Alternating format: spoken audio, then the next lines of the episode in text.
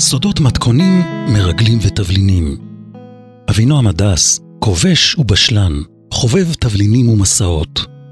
מספר בקולו וחושף בנדיבות את סודות המתכונים והסיפורים המרתקים שאסף בעולם. הפודקאסט סודות מתכונים, מרגלים ותבלינים המשודר כאן, מיועד לכל בעלי הטעם הטוב. להרפתקני מטבח שואבים תבשילים, מעדנים וכבושים טעימים, מלוכים, חמוצים, חריפים ומתוקים. לבעלי דמיון ומעוף שואבים רטבים מיוחדים, מנות מפתיעות ומשקאות שעושים שמח על הלשון ובפה. הכל מוגש כאן, בגלוי, בכלים נעים ובנדיבות גדולה. אגב, עובדות ושמות שונו כאן כדי להגן על הגיבורים, אבל המתכונים מדויקים. האזנה נעימה ובתיאבון.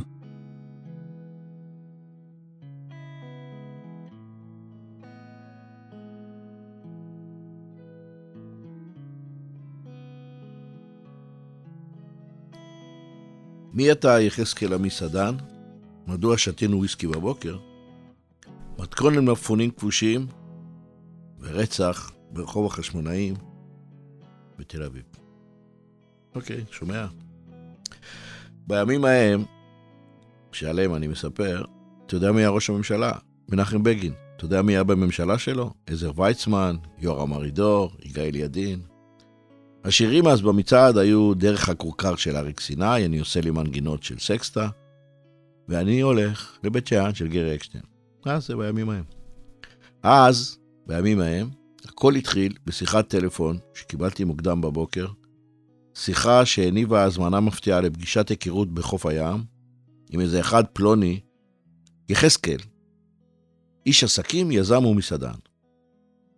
העלילה המשיכה בשיחה מוזרה, בבקבוק וויסקי מאוד יקר, ובהצעה כספית מאוד מפתה שאני קיבלתי, ומסתיימת העלילה. בחשיפת עובדות מטרידות על סמים, על אלימות ועל רצח. כן, כן. וגם נדבר על מתכון למלפפונים כבושים במלח בסגנון מזרח אירופה, ואתה גם תבין למה. אוקיי, נתחיל.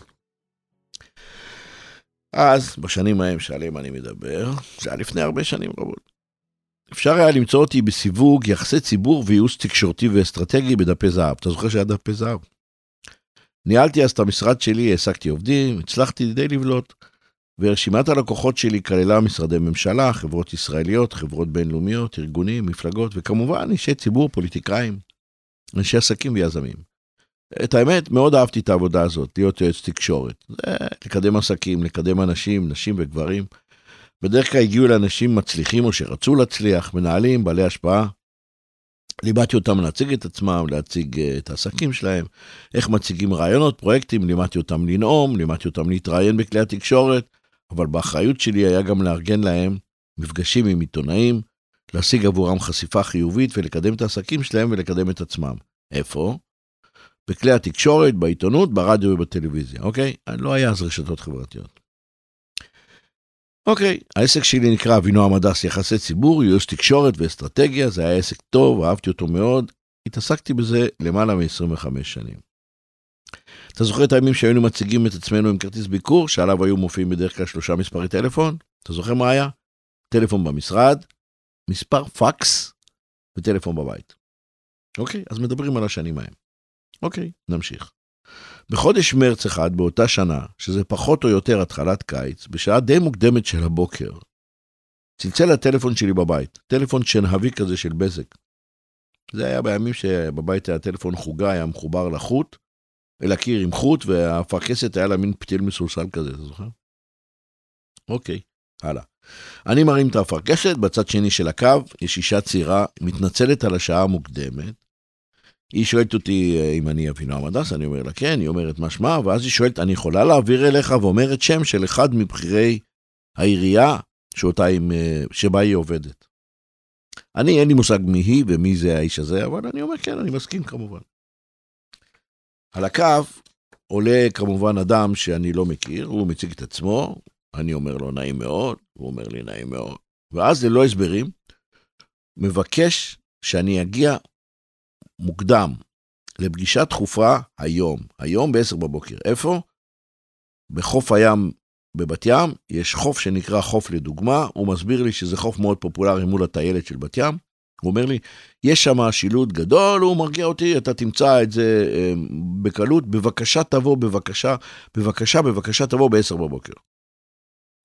תשמע, אני מתרשם שאני שומע הרבה מתח בקול שלו. נראה לי שהוא מאוד מאוד מאוד רוצה שאני אאשר לו שאני בא. הדחיפות הזאת למען האמת אה, הפתיעה אותי, אבל גם סקרנה אותי מאוד. אמרתי לו, אתה יודע מה? שלא כמנהגי, כל כך מוקדם בבוקר אני יוצא, אני מגיע. הוא ממש נמס מרוב שמחה. והוא הודה לי שלוש פעמים, תודה, תודה, תודה, ואז הוא מנתק. אוקיי, בשעה יהודה, אני יוצא מתל אביב. אני זוכר, היה לי אז ביואיק uh, סנצ'רי כסופה עם ריפודי אור אדומים, מאוד אהבתי את האוטו. נסעתי לי לאט לאט לבת ים. בשעה תשע וחמישים, שזה עשר דקות לפני המועד של הפגישה, אני מחנה את הביואיק למעלה ליד השלט חוף לדוגמה, בטיילת של בת ים. אני בחולצה לבנה ויפה עם עניבה כחולה, נעליים שחורות עם שרוכים, אני יורד במדרגות למטה לכיוון בית הקפה שבו נקבעה פגישה. אוקיי, ליד הדלת של בית הקפה, אני מזכיר לך, זה עשרה לעשר בבוקר. ליד בית הקפה ממתינה לי איזה בחורה צעירה, גברת צעירה, והיא מזהה אותי כנראה בזכות החולצה הלבנה והעניבה, כי מי בא לבת ים, לחוף הים בבת ים בבוקר עם עניבה? אף אחד. והיא מובילה אותי דרך בית הקפה אל הרחבה בחוץ, אה, שמחוץ לבית הקפה. שם מול הים, מול המתרחצים והמשתספים, על רחבה שמרוצפת באבנים. יש כמה שולחנות, ליד אחד מהם, שולחן גדול באופן מיוחד עם מפה לבנה ממש מול הים, יושב שם איזה גבר, בערך בן 45, הוא שומע את הצעדים שלי, הוא מסתובב ככה בכיסא, מחייך אליי חיוך גדול של הקלה, ומסמן לי ביד, בוא בוא שב, שב, שב, שב, שב, ומסמן לי שאני אשב לידו. לא מולו, לידו. אוקיי. אני מתיישב, הוא לא שואל אותי, מוזג לי מיץ תפוזים מקנקן לכוס גדולה, מגיש לי את הכוס, ומודה לי שהגעתי בהתראה כל כך קצרה, וממשיך לחייך אליי את החיוך הרחב שלו. אני שותה את המיץ, ממתין להסבר, והוא ממשיך לחייך. ממשיך לחייך, מביט בשעון. ממשיך לחייך, מביט בשעון. ממשיך בשעון. ממני לשעון, ממני לשעון. בסדר. אני לא מבין כל כך מה הוא לחוץ, אבל... ואז הוא אומר לי, אה, תודה שבאת, הוא אומר לי. החוף הזה מנוהל על ידי זכיין, הוא אומר, עשינו מכרז וזכה יחזקאל. יחזקאל הוא איש עסקים ויזם, הוא מסעדן, יש לו מסעדות, הוא אומר לי, הוא רוצה יועץ תקשורת, יועץ אסטרטגי, יועץ יחסי ציבור. הוא אומר, הוא שמע עליך, הרבה אנשים המליצו עליך, הוא רוצה לקדם את העסקים שלו ואת החוף הזה, גם לעירייה זה מאוד חשוב, המליצו ליחזקאל עליך, אז יחזקאל רוצה לפגוש אותך. הוא ביקש שאני אזמין אותך, הוא רוצה להציע לך להתחיל לעבוד איתו, הוא בדרך לכאן, אמור להגיע כל רגע. מצוין, אני אומר לו, אני לא מכיר את יחזקאל, אני לא יודע מי זה, אבל אני אשמח לשמוע מה הוא מציע. עכשיו שמע, האמת שאני אז, כיועץ תקשורת של חברות בנייה, ויועץ תקשורת של בנקים, וחברות תיירות, ובתי מלון, וחברות בינלאומיות, לא ממש התעסקתי בייעוץ למסעדות ולחופי רחצה. היה נראה לי שזה עסק קצת קטן, ולא כך מתאים לתיק של הלקוחות שלי, ואתה יודע מה? סקרנות והקשר לעירייה ויחזקאל. אמרתי, בסדר, אם אני כבר כאן, הסכמתי לחכות ולשמוע את ההצעה של יחזקאל, איש העסקים והמסעדן. אה, ברור לך שהגעתי כי חשבתי שזה משהו אחר לגמרי. לא תיארתי לעצמי שמדובר במסעדה או בית קפה או בחוף ים. אוקיי. שמע, המרחק הידוע של השמש מכדור הארץ הוא שמונה וחצי דקות אור. זה גורם לשמש להיות נוכחת במלוא עוזה ולחמם כל מי שנמצא מתחתיה. וזה הייתי אני. חם לי, אני יושב בשמש, מביט במשתספים, האיש הבכיר מהעירייה מפטפט איתי על העיר, והזמן עובר, אבל אין זכר ליחזקאל. איש העסקים, היזם והמסעדן. ומי זה בכלל האיש הזה שאני מחכה לו כאן בשמש? הפגישה נקבעה לי 10 בבוקר, עכשיו כבר 10.45, שזה כמעט שעה אחרי המועד שנקבע. ואני עדיין ממתין שם במכסיים הקהים, בחולצה לבנה, יפה, של דונה קארן ובעניבה של פיר קרדן, יושב עם הנעליים השחורות והמצוחצחות והמבריקות שלי בשמש, אמנם מתחת לשוחה חב"ד של הבית קפה בחוף לדוגמה, אבל חם לי רבאק ואני מחכה. תשמע, האיחור הזה אה, מתחיל לעלות לי קצת אה, על הראש. ואני מחליט שדי לי בשמש, ושהאיחור מלמד או על איזה בעיה או על איזה זלזול, אז אני ככה עושה תנועה שאני מתכוון לקום, ומודיע למארח שלי שעם כל הכבוד ליחזקאל, איש עסקים, שאני לא ממש יודע מי זה, יחזקאל איש עסקים מאחר בערך בשעה. אז שמע, אני חוזר לתל אביב, ונוכל לקבוע פגישה במועד אחר. אבל האיש הבכיר הזה מהעירייה מזדעזע ממש, כולו נרעש. נראה לי שלהפתעתי, זאת אומרת, נראה לי להפתעתי שהוא כל כך מבוהל, הוא על גבול הפאניקה, הפנים שלו מחווירים ומאדימים מהלחץ, ותשמע, אתה יודע מה הוא עושה? הוא שולח יד, תופס אותי בזרוע, ממש אוחז בי חזק, ומתחנן שוב ושוב שאני אשאר. תישאר, תישאר, תישאר. אוקיי, 11. אני מבין שהוא נואש, אני נשאר. שמע, אני אומר לך שוב, הייתי כל כך מופתע מעוצמת הבהלה שזיהיתי על הפנים שלו, לדעתי הוא היה בפאניקה. ואני שואל את עצמי, מי זה היחזקאל, איש עסקים והיזם הזה, שהוא כל כך מפחד ממנו? הוא איש בכיר בעירייה. הוא כל כך מפחד ממנו שהוא הכניס לי ביד כמו שוטר, הוא ממש מתחנן שאני לא אלך. בסדר, אני ממשיך לשבת. הבטן שלי כבר מלאה מיץ כבר התחלתי לשתות סתם מים, ואני ממתין. עוברת עוד חצי שעה של בהייה בים. שני שותקים. אני, אגב, כבר כולי רטוב מזה, החולצה הלבנה שלי נדבקה לי לגב. אני פותח כפתור עליון, משחרר את העניבה, מנגב את המצח במפית עם אה, הדפסה יפה של החוף לדוגמה, וממשיך להמתין בשקט. הבטחתי לו, אני נשאר. הוא, הבכיר בעירייה, מציץ כל שתי שניות בשעון. בשעה 11 וחצי, שזה כבר שעה וחצי אחרי המועד שנקבע, אני יושב, הבטן שלי מלאה מיץ, החולצה שלי רטובה לגמרי מזהה, והוא מחזיק אותי ביד. אני רואה למעלה, בטיילת מעלינו, מתחילה איזו התרחשות. ממש מעל הקפה. יש תנועה, ואני רואה שנעצרת שם שיירה של שלוש מכוניות לבנות. אני מביט בסקרנות כלפי מעלה, זה ממש מעל הראש שלי היה. ואני רואה שהדלתות של המכוניות נפתחות והנוסעים, נוצ... והנוסעים יוצאים החוצה. ראיתי שמהמכונית האמצעית, שהייתה מכונית אמריקאית לבנה מאוד ארוכה, יוצא גבר אחד מוצק, לבוש במכנסיים קצרים כחולים, וחולצת טריקו לבנה. הוא היה מנהל התעמלות. היה מוזר לראות שמיד מסביבו מזדרזים והסתדרו בטבעת אדוקה שישה אנשים. שישה אנשים עמדו מסביבו. להבדיל ממנו, הם לא במכנסיים קצרים, הם לבושים כמו שצריך. הם מסתדרים סביבו כמו שומרי ראש, שישה גברים תואמים, גדולים, תספורות קצרות, נראים בריונים. המארח שלי, הבכיר מהעירייה, גם הוא יושב איתי, הוא מסתכל למעלה, גם הוא מביט במתרחש. וכשהוא מזהה את הגבר במכנסיים הקצרים, אה, הוא נאנח בהקלה. הפנים שלו מכוסים זהה, הוא פונה אליי ואומר לי במהירות, אתה רואה אבינועם, אתה רואה? הנה הוא, יחזקאל בא, אמרתי לך שהוא יגיע. אתה רואה? יחזקאל בא, עכשיו הכל בסדר, הנה יחזקאל. בסדר, יחזקאל בא. מי זה היחזקאל הזה?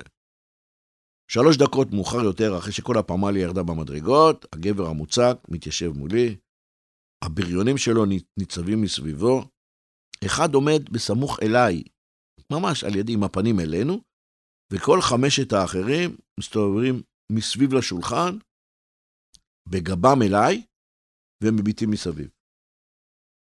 זהו, תתאר לך את הסיטואציה. הגבר המוצק הזה, שיושב מולי, בוחן אותי מקרוב באיזה מבט חודר כזה.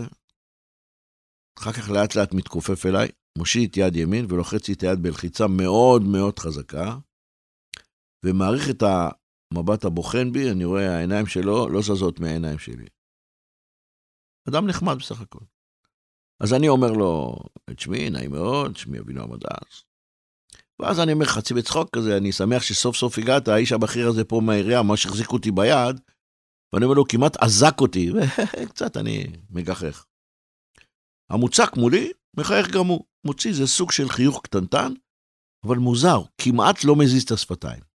אחר כך הוא מפנה את המבט לכיוון הדלפק של בית הקפה ועושה איזה תנועה עם הראש. כמו שהוא עושה את התנועה עם הראש, המלצר שם מזנק מיד אלינו, עם מגש, ומניח לפנינו צלחת גדולה מלאה מקלות מלוכים ובייגלח, ולהפתעתי, 11 בבוקר, כן? בקבוק וויסקי שיבאס ריגל ענק, אתה יודע, בקבוק כזה ליטר פלוס, שעל התווית המוכספת שלו מופיע המספר 25, שזה לפי מיטב הבנתך והבנתי, וויסקי בן 25 שנים. שזה מעיד שזה בקבוק וואחד יקר מאוד, מאוד מאוד יקר. המלצר גם מניח לפנינו שלוש כוסות זכוכית גדולות עם קומיות קרח, ומוזג את הוויסקי היקר עד חצי הכוס, לגובה חצי הכוס, לכל שלושת הכוסות. מוזג, עושה שני צעדים, נעמד בצד, ולא זז.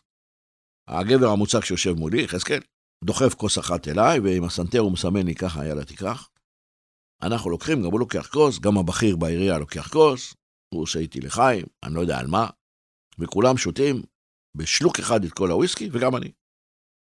שתינו את הוויסקי, מניחים את הכוסות בחזרה, המוצק שלידי, יחזקאל, מביט שנית אל המלצר, ההוא שוב מתקרב אלינו, ושוב ממלא את הכוסות פעם שנייה. אבל עכשיו הוא כבר מלא כמעט עד למעלה. רבאק, כאילו זה יין קידוש ולא וויסקי יקר בן 25. בסדר, ממלא, ממלא. 11 בבוקר. אנחנו שותים, שותים, שותים, גם אני שותה. חם לי. הוויסקי מתחיל לעלות לי על הראש. מתחיל כבר מטפס לי. אני מסיים את הכוס השנייה, מניח אותה על השולחן, וממתין שיחזקאל הנכבד, סוף סוף, יספר לי למה אנחנו נפגשים. האמת, אני אגיד לך, עם כל הוויסקי בתוך הראש, התחיל לשאול לי קצת הראש. מאוד הצטערתי שאין על השולחן, במקום מקלות מלוכים וויסקי, שאין איזה בקבוק של בירה קרה, כמה פרוסות של לחם שחור עם חמאה, כמה פרוסות עבות של נקניק, צרפתי חמצמץ, וכמה מלפונים פריחים כבושים במלח, כמו שהייתי אוכל אצל אלימלך בזמנו בבר. זה היה עוזר להתמודד גם עם החום וגם עם תחושת המוזרות. למה מוזרות? כי לא מבין מה הפגישה הזאת, לא יודע מי זה היחזקאל הזה, למה יש לו שישה שומרי ראש, למה הוא עם מכנסיים קצרים, למה באנו לחוף הזה, ומה הוא תוקע בוויסקי משעה 11 בבוקר. אבל כל מה שהיה זה מקלות מלוכים, ובקבוק שיבאס ריגל, בן 25, ומולי יחזקאל, איש עסקים, יזם ומסעדן. טוב, התעלמתי מהבעיות. הנחתי את הכוס על השולחן, הבטתי ליחזקאל, ואני שואל את עצמי, מי זה האדם הזה שזוכה לקבל כל כך הרבה יחס, גם מהבכיר בעירייה ומהצוות כאן בחוף, ויש לו שישה שומרי ראש, זה כנראה מלמד שפוחדים ממנו, אבל גם שהוא פוחד. מי מסתובב עם שישה שומרי ראש? אני מזכיר לך שנות ה-80. ואז, לתדהמתי, מתחיל יחזקאל המוצק למלמל לכיוונים מילים. למה אני אומר למלמל? כי הוא אמר מילים שאני לא מבין.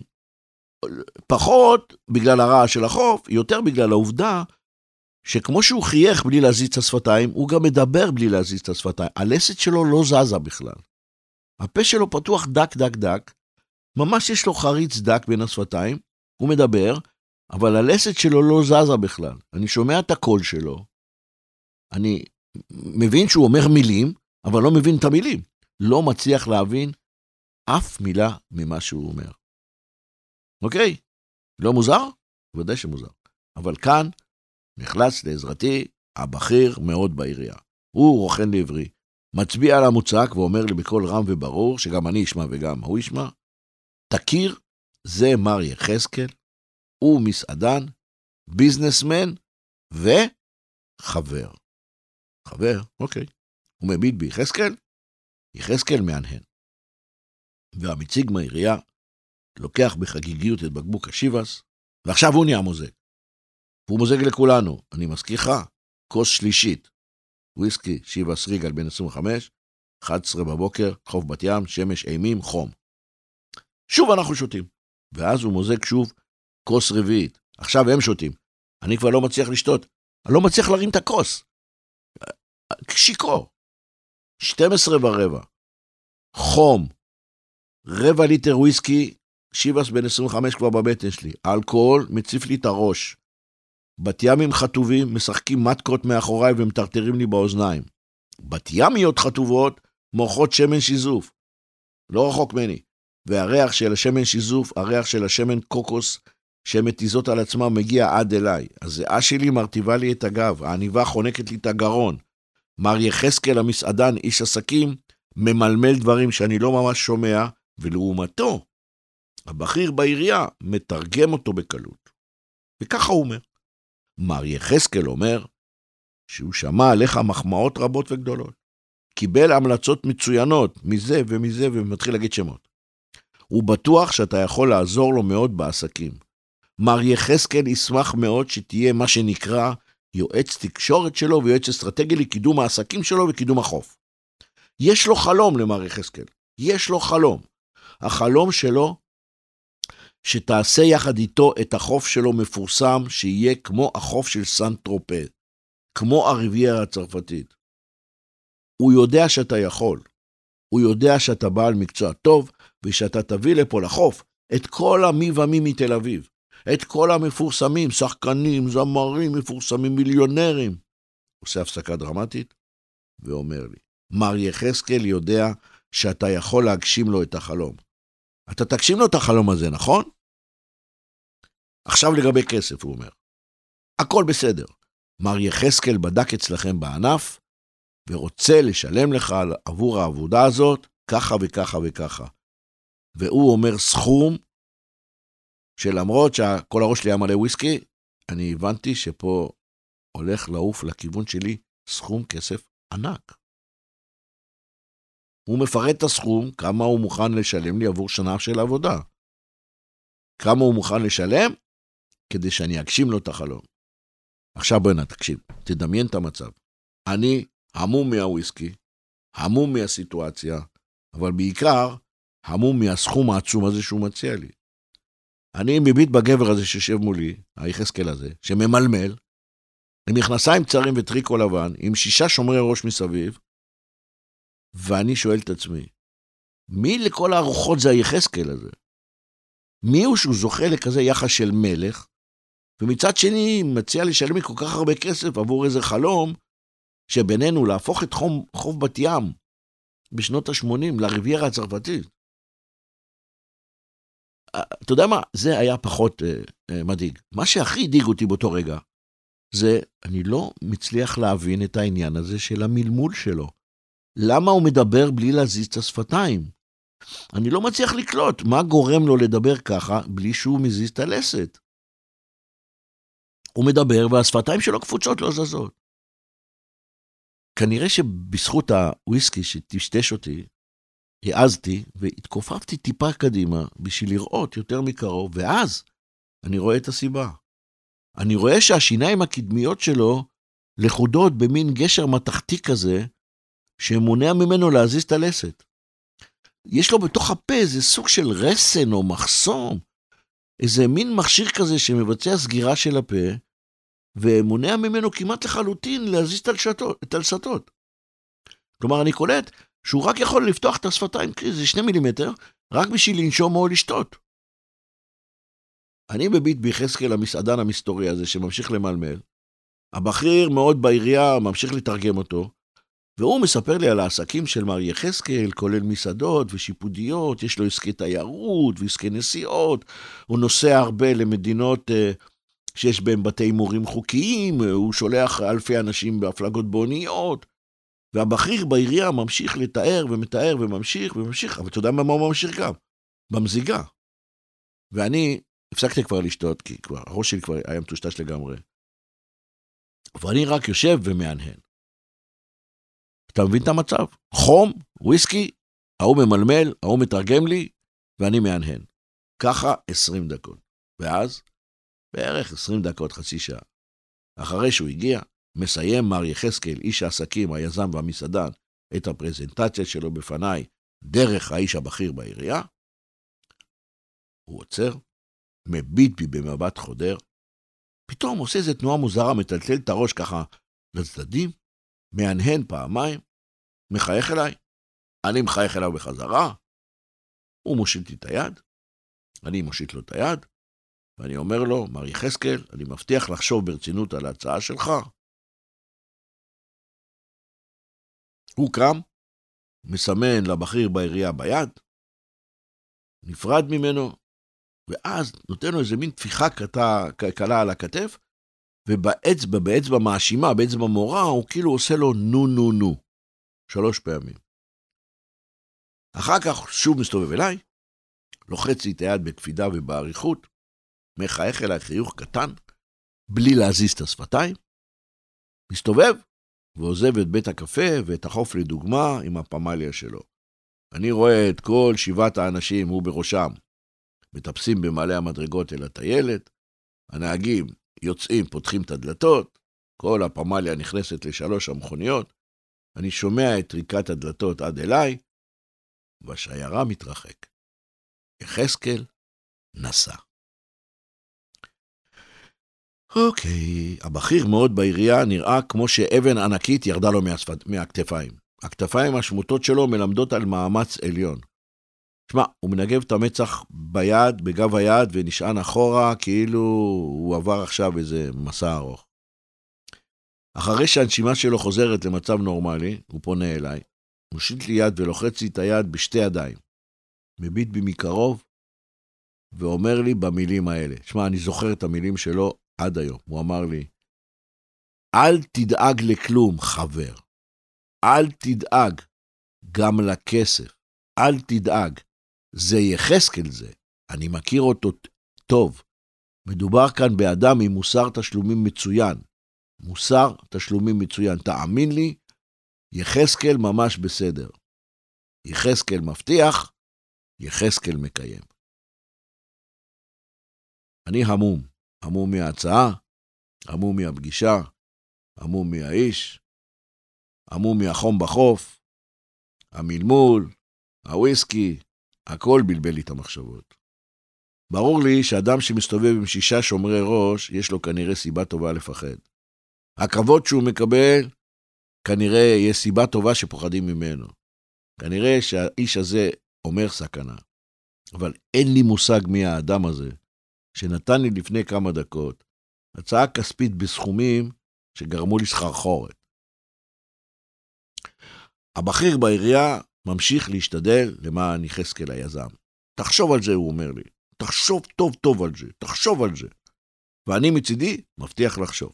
מבטיח שאתן תשובה על ההצעה הנדיבה והמחמיאה של מר יחזקאל, המסעדן והביזנסמן. אני אומר לו, אני חוזר אליך תוך כמה ימים. עכשיו זה אני שמטפס למעלה במעלה המדרגות על המכונית שלי. כשאני מגיע אל הביואיק למעלה, אני מחליט שאני לא נוהג. אני לוקח מונית. יש לי יותר מדי וויסקי בדם, יותר טוב שאני לא אנהג. כשהמונית שלי מגיעה ומתחילה לנסוע לכיוון תל אביב, והסקרנות, מי זה היחזקאל הזה, מנקרת לי בראש, אני אומר לנהג, תקשיב, הטלפון הציבורי הראשון שאתה רואה, אתה עוצר על ידו. אני מזכיר לך, טלפונים, טלפונים עוד לא היה. אחרי כמה שניות, אה, כמה דקות, הוא עוצר על יד uh, uh, טלפון ציבורי, אני יוצא ואני מצלצל לכתב בכיר מאוד, שאני מכיר בעיתון מאוד מאוד גדול ונפוץ, אדם שהוא מעורה מאוד בעולם העסקים ובעולם הפליליים בישראל. לשמחתי, הוא עונה לי, ואני מספר לו בכמה משפטים קצרים את מה שהתרחש. אוקיי. אני מספר, הוא שותק, ואז הוא שואל אותי, תגיד לי, אתה עדיין שם? כי אם אתה עדיין שם, תברח. תברח מהר. תסתלק משם אם יש לך שכל, תברח. אתה לא מזהה את היחזקאל איש העסקים הזה שכרגע פגשת, הוא אומר לי, אתה לא מזהה אותו? לא ראית את רשימת ה-11 של עיתון הארץ? לא ראית את הרשימה של גדולי העולם התחתון? הוא בראש הרשימה, אין לך מושג אם הסתבכת, הוא אומר לי, תברח משם. אני שותק בתדהמה. והוא, במשך חמש דקות רצופות, מספר לי מי זה מר יחזקאל, הביזנסמן, היזם והמסעדן, שהציע לי להיות יועץ התקשורת שלו ושל העסקים שלו. הוא אומר לי, איש העסקים, יחזקאל, הוא לא אחר מאשר יחזקאל אסלן, אחד העבריינים הגדולים, האלימים והמסוכנים ביותר שידעה המדינה. האסלן הזה כונה דון קורליאוני משכונת התקווה. יחזקאל, איש עסקים ויזם, יחזקאל אסלן, עסק בסחר בסמים, בעבירות אלימות. השתלט באלימות על מועדוני הימורים בתל אביב, הגדיל את עסקי הסמים שלו. אפילו ניסה להשתלט ולהיות הבעל הבית של הפשע באילת. אבל אין לו רק צדדים רעים, יש לו גם צדדים טובים. יחזקאל, איש העסקים, היזם והמסעדן, התפרסם גם בזכות הפעילות שלו לטובת שכונת התקווה וגם בזכות הבילויים שלו. המסעדה שלו, בטח אתה זוכר אותה, שיפודי התקווה, היא הייתה לאחת המסעדות הכי מצליחות בארץ, ומאוחר יותר גם עשה אותה רשת. סיפרו שכל גדולי האומה, כל גדולי ישראל, ישבו במסעדה שלו, שרים, חברי כנסת, ראשי מדינה, זמרים, שחקנים. העיתונאי הזה מספר לי שבקרב המהמרים ובאי בתי הקזינו בישראל, יחזקאל אסן הוגדר כמלך הטיסות לטורקיה. עיסוק, אשר ככה הסתבר אחר כך, סיבך אותו כהוגן עם עבריינים כבדים אחרים. אז רגע, נחזור רגע לגשר פלדה בפה שלו, נכון? זה מעניין. כן, נחזור. אוקיי, אז מה מסתבר? מה מספר לי הכתב? מספר לי ככה, הגשר הפלדה הזה הותקן בפה שלו רק כמה חודשים לפני פגישתנו היום באותו חוף בבת ים. מה קרה אז? מסתבר שיחזקאל, איש העסקים והיזם, נורה במהלך ניסיון חיסול. מתנקש, ערב לו ליד הבית שלו בשיכון דן בתל אביב, ירה בו מנשק אוטומטי, אסלן חטף שבעה כדורים בכל חלקי גופו, ונפצע קשה. אחד הקליעים פגע לו בלסת וריסק אותה, מה שהצריך שיקום ארוך וסדרה של טיפולים רפואיים בניו יורק. מספרים אבל שאחרי שחטף שבעה כדורים, בחוץ, אסלן נכנס הביתה ואמר ברוגע לאשתו שהייתה מבוהלת, שושנה, ירו בי, בואי, בלי לחץ, נוסעים לבית חולים. כאמור, בעקבות הפציעה הזאת הותקן המטען פלדה הזה בפה שלו. אבל מסתבר שהניסיון רצח הזה לא עצר את אסלן. הוא המשיך והיה מגיע באופן קבוע למועדוני לילה בתל אביב, הייתה לו מכונית מרצדס יוקרתית, וכמעט תמיד הייתה יושבת לידו איזה בחורה צעירה אחרת, כל פעם מישהי אחרת. עד עכשיו אתה איתי? כן, מצוין. נהנה מהסיפור? כן, אוקיי. עכשיו אתה מבין מה אני מרגיש, אז. אחרי שאני מקבל את המידע המפורט הזה מהעיתונאי על היזם יחזקאל והמסעדן שאיתו נפגשתי ושתיתי וויסקי לפני חצי שעה בחוף לדוגמה בבת ים, אני פתאום מתחיל להבין. עכשיו, אני חוזר למונית. א', אני מצטער שהשארתי את האוטו שלי בחוף לדוגמה, לך תדע אם אני אמצא אותו כשאני אחזור אליו. אני אומר לנהג, עזוב, סע הביתה, ובראש יש לי רק מחשבה אחת. אתה יודע מה חשבתי כל הדרך? ברור שאתה יודע. הדבר היחידי עכשיו שהפריע לי ושבלבל אותי והלחיץ אותי זה איך אני מודיע ליזם ולמסעדן ואיש עסקים, יחזקאל אסלן, שאני לא עובד איתו. איך אני אומר לו שאני לא אהיה יועץ התקשורת שלו ושל העסקים שלו? איך, איך אני אומר לו לא לאיש הזה? איך הסתבכתי בתוך, בתוך המהומה הזאת? אוקיי, שמע, אני מגיע הביתה, נכנס לסלון, נשכב על הספה בסלון עם הנעליים ונרדם מיד. לא יודע כמה ישנתי, אני חושב איזה שעתיים, שלוש. התעוררתי, הראש עוד מסתובב לי. אמרתי, עזוב, אני לא מטפל בזה. לא הורדתי אפילו את הנעליים. אני נכנס למטבח והכנתי לי מה שרציתי להכין לעצמי בבוקר. הכנתי כריך, משתי פרוסות אבות של לחם, מרחתי חרדל דישון עבה עם גרגירים, שכבה הגונה של מיונז בלגי, שמנוני טוב. הוספתי ארבע פרוסות אבות של נקניק צרפתי חמצמץ, שלוש פרוסות מלפפון כבוש במלח תוצרת בית, פתחתי בקבוק גולדסטאר קר מהמקרר, אכלתי את הכריך, שתיתי את הבירה, והתחלתי לאט לאט להירגע. אבל uh, הבטחתי מתכון למלפפונים כבושים, בסגנון מזרח אירופה. אתה גם רוצה לשמוע את הסוף של הסיפור? נתחיל במתכון. אוקיי. תמיד שואלים אותי, איך המלפפונים הכבושים שלך במלח כל כך פריחים, כל כך טעימים, כל כך מוצלחים? הנה המתכון. אני בוחר לי שישה או שמונה מלפפונים טריים וקשים. חשוב שהם יהיו טריים וקשים. כאלה שהקליפה שלהם שלמה והאורך שלהם מתאים לצנצנת שאני מכין. שוטף את המלפפונים ומייבש. שוטף את הצנצנת במים רותחים ומקרר אותה. מרתיח מי ברז ומניח אותם בצד להתקרר. עכשיו, מכניס את המלפפונים בעמידה, בדחיסה לתוך הצנצנת. ממלא את הצנצנת במלפפונים עד שאין מקום. לכן קוראים להם כבושים, זה מהלחץ. ממלא את הצנצנת במים המקוררים, שהמלכתי אותם במלח גס, לפי איזה, איזה יחס? שלושה אחוז. זה אומר, כפית קדושה מלח גס על כל כוס מים. אם אתה רוצה לדעת כמה זה? שלושה אחוז? פחות או יותר טעם של מי ים. עכשיו אני מוסיף למים.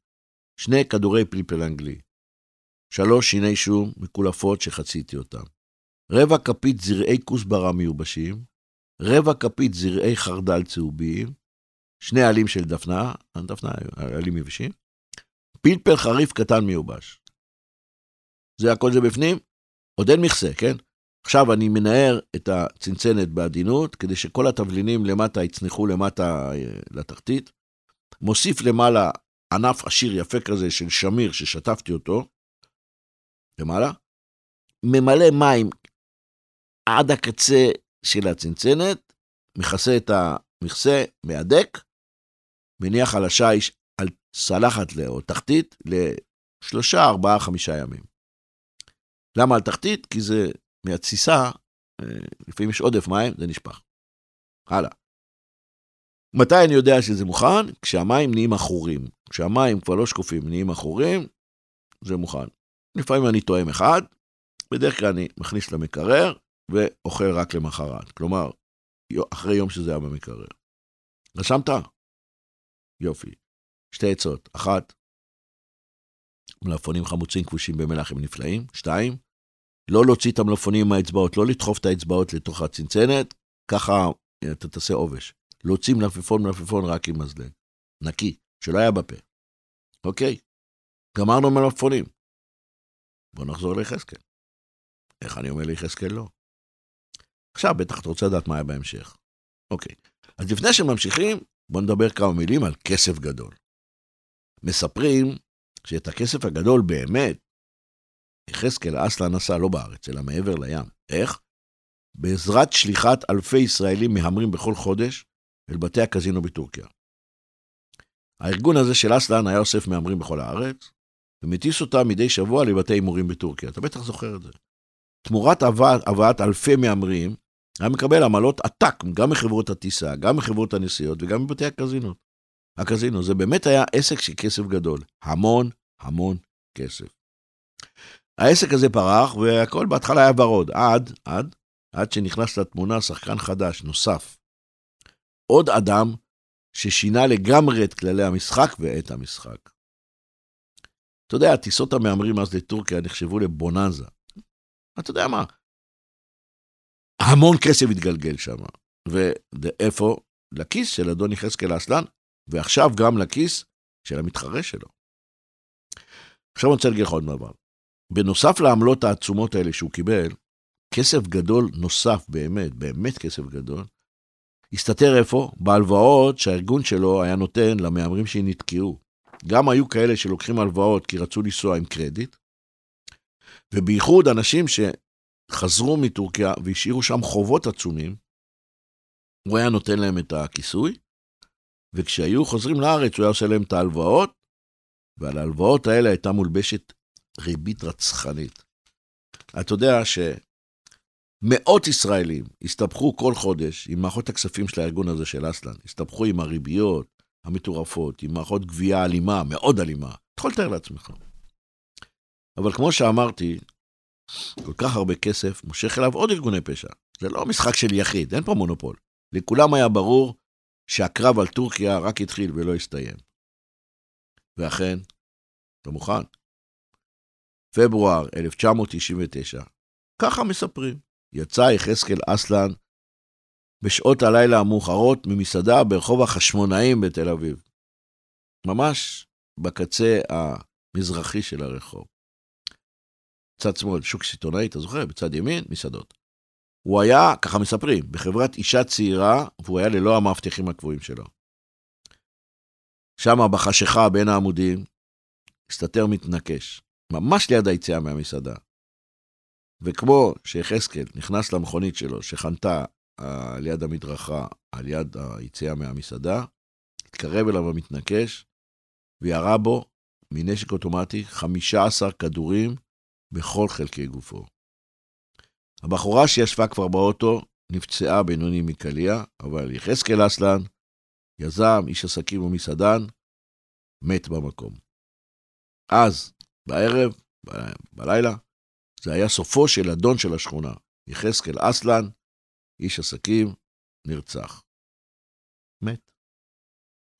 אלפים רבים השתתפו בהלוויה שלו. ביניהם הייתה גם הזמרת מרגלית צנני, כפי שכולם ראו, היא הייתה חברה קרובה שלו, ככה היא סיפרה, והיא ספדה לו והיא אמרה, משפט, העולם לא יהיה אותו דבר בלעדיך. אגב, כמה חודשים אחר כך, נרצחה גם אלמנתו של יחזקאל, שושנה, ומיד לאחר מכן נעלמו עקבותיו של אחיו, אילן, שגופתו לא נמצאה עד היום. גם הרוצח או הרוצחים של יחזקאל אסלן ושושנה ואילן, גם הרוצחים או הרוצח, לא נמצאו עד היום. ורצית לשאול אותי עוד שאלה, מה רצית לשאול אותי? אה, נכון. השאלה, איך התחלקתי ממנו בסוף? איך הודעתי ליחזקאל אסלן, איש עסקים, יזם ומסעדן, עלק, שלמרות שהציע לי סכום כסף עצום כדי להגשים לו חלום ולהפוך את החוף לדוגמה בבת ים לרביעייה הצרפתית, למרות הכל סירבתי לו. אתה באמת רוצה לדעת איך הודעתי לו? אוקיי, אני אגיד לך. נתתי לו הצעה שהוא לא היה יכול לסרב לה. זהו. תודה שהאזנתם.